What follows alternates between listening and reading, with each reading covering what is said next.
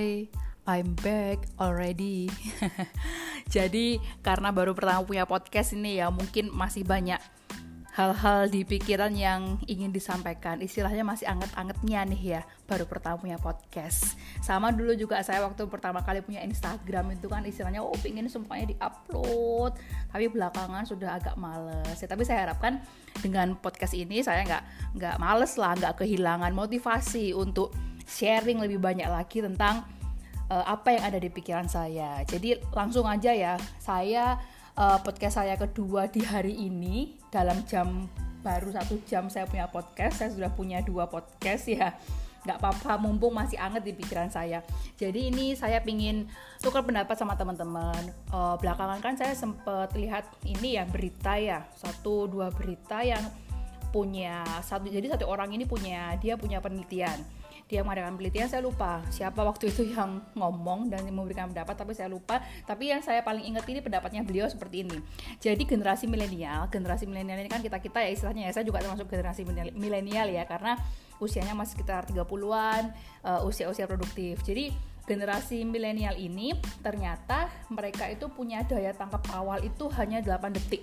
Maksudnya apa daya tangkap awal ini? Misalnya begini ya kalau kita mau beli buku kalau kita mau nonton film kan kita uh, lihat trailernya dulu. Kalau beli buku, kalau saya yang pertama kali saya lihat itu adalah daftar isinya.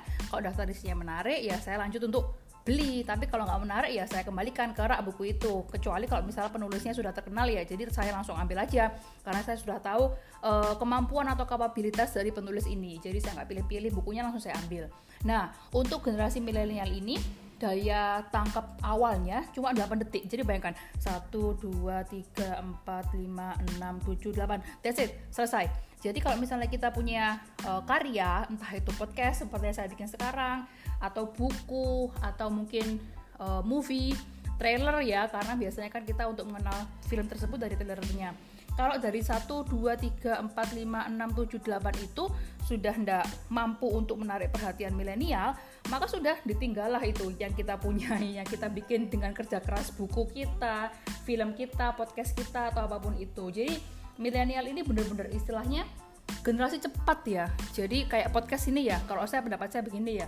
Kenapa kok ada podcast? Kemungkinan nanti ke depannya nggak ada lagi nih orang yang baca buku, karena yang ada orang itu semuanya mendengarkan. Jadi buku pun sekarang kan belakangan juga buku bentuknya audio semua ya. Pertama dulu buku hard copy, cetak pakai kertas, tapi lama kelamaan muncul PDF atau uh, soft copy-nya. Soft copy-nya bisa dibaca di gadget entah itu lewat laptop, entah itu lewat handphone, dan belakangan mulai ada podcast. Dan trennya belakangan ini, para penulis bahkan buku-buku juga dipodcastkan. Jadi uh, mungkin nggak semuanya dimasukkan ke podcastnya, hanya intisari dari bukunya itu apa aja. Lalu kita bisa mendengarkan. Jadi istilahnya kalau dulu kita punya bedah buku ya, sekarang sudah nggak ada bedah, bedah buku nih. Jadi sekarang tinggal pakai podcast. Jadi isinya buku ini ini ini ini ini ini. Kalau 8 detik tadi bisa menarik perhatian milenial, lakulah buku itu tapi kalau 8 detik nggak bisa menarik perhatian milenial ya sudah goodbye itu kan istilahnya ya bukan bestseller itu buku itu nah itulah uniknya generasi milenial dan hal-hal tersebut merupakan satu keunikan dan juga satu kelebihan kalau saya pikir karena saya kan juga termasuk generasi milenial ya saya merasa saya mulai terpengaruh dengan uh, pace yang cepat itu tadi. Bukan dari karena saya terpengaruh lingkungan atau apa ya tapi memang it's in my blood seperti itu. Dan saya juga sharing dengan suami saya yang juga notabene juga generasi milenial dan memang seperti itu. Kita ini memang didorong untuk bergerak lebih cepat didorong untuk uh, menghasilkan sesuatu hal yang lebih cepat, lebih inovatif, makanya kita punya pace kehidupan juga lebih cepat. Bahkan dari cara ngomong, cara jalan pun juga mungkin lebih cepat dari generasi-generasi yang dulu. Jadi for all millennial out there, termasuk saya, this is the time for us. Jadi inilah waktunya kita untuk berkembang. Jadi jangan sampai kita kelewatan masa-masa emas milenial ini. Saya ngomong masa-masa emas karena memang ini waktunya kita. This is our time.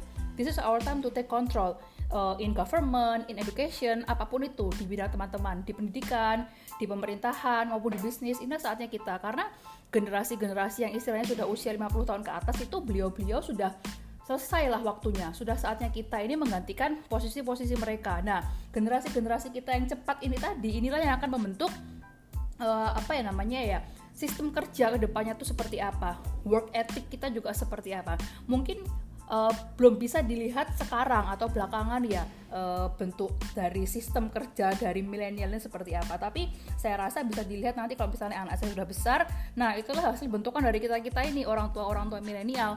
Jadi kita memang harus sangat manfaatkan waktu yang ada sekarang momen istilahnya ya jadi teman-teman yang istilahnya milenial ya bukan hanya milenial sih tapi semuanya tapi kalau saya boleh bicara saya boleh berpendapat this is our moment for millennials out there this is our moment to shine kita tidak lagi dipandang rendah, kita tidak lagi dipandang remeh karena kita belum punya pengalaman dan lain sebagainya. Karena kita cepat, kita sangat cepat mengerap, menyerap informasi, kita cepat belajar dan kita inovatif. Jadi posisi-posisi di atas pun saya bilang kalau di suatu perusahaan posisi-posisi kedudukan-kedudukan jabatan yang di atas pun sudah diisi oleh banyak orang muda.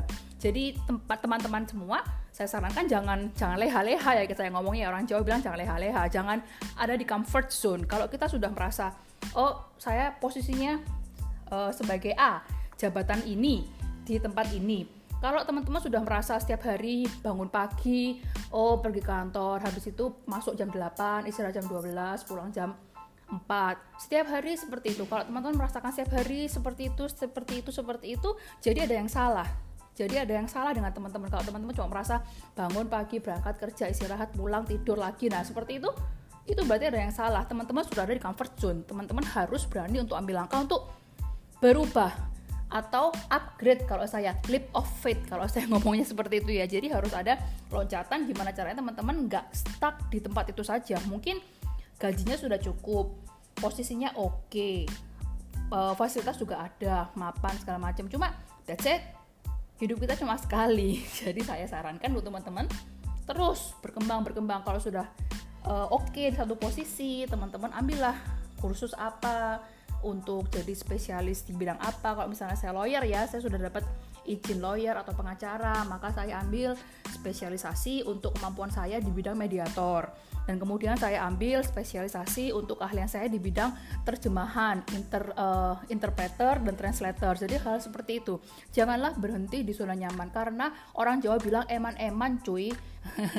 Jadi sayang kemampuannya teman-teman itu sebagai generasi milenial, generasi yang cepat tadi, generasi yang inovatif, generasi yang kreatif dan lain sebagainya. Kan kita dibangga-banggakan seperti itu ya.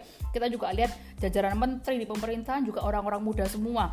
Nanti ke depannya tahun 2024 calon presidennya pun juga beberapa anak-anak muda yang naik. Di pilkada kita juga lihat orang-orang muda mulai naik. Jadi this is our moment friends. We have to step up. We have to step out of our comfort zone. Jadi jangan ada di comfort zone. Generasi milenial cepat harus cepat berubah juga. Jangan terlalu nyaman. Nah itu so, apa yang ingin saya sampaikan ke teman-teman? Karena istilahnya agak apa ya bukan miris ya. Karena kalau miris gimana ya? Cuma saya juga nggak mau membandingkan kehidupan saya dengan kehidupan teman-teman. Karena each of each of us has our different story. Jadi tidak memaksakan lah teman-teman harus seperti ini teman-teman harus seperti itu. Tidak memang ada latar belakang yang membuat kita seperti itu. Tapi sekali lagi alangkah lebih baiknya kita manfaatkan momen kita yang cuma sekali seumur hidup ini belum tentu terulang lagi. Jadi semangat untuk teman-teman di mana pun berada untuk teman-teman yang sedang meneliti karir jangan putus asa untuk teman-teman yang masih cari pekerjaan atau cari passionnya di mana juga jangan putus asa. Pasti ketemu. Saya pun akan uh, saya pun mengalami hal seperti itu. Suatu saat nanti saya akan uh, podcast ya saya akan sharing tentang gimana saya menemukan jadi diri saya, passion saya seperti apa. Nanti saya akan sharing di podcast saya berikutnya. Karena ini saya masih angkat-angkatnya ya, karena saya masih panas-panasnya di dunia perpodcastan. Jadi saya masih semangat, saya punya banyak sekali ide di pikiran saya yang ingin saya sharekan ke teman-teman. Semoga bisa tersampaikan dengan baik dan bermanfaat buat teman-teman. Oke, okay, this is yang ingin saya sampaikan sampai di saat ini. Semoga bermanfaat. Sampai ketemu di podcast saya berikutnya. Bye bye.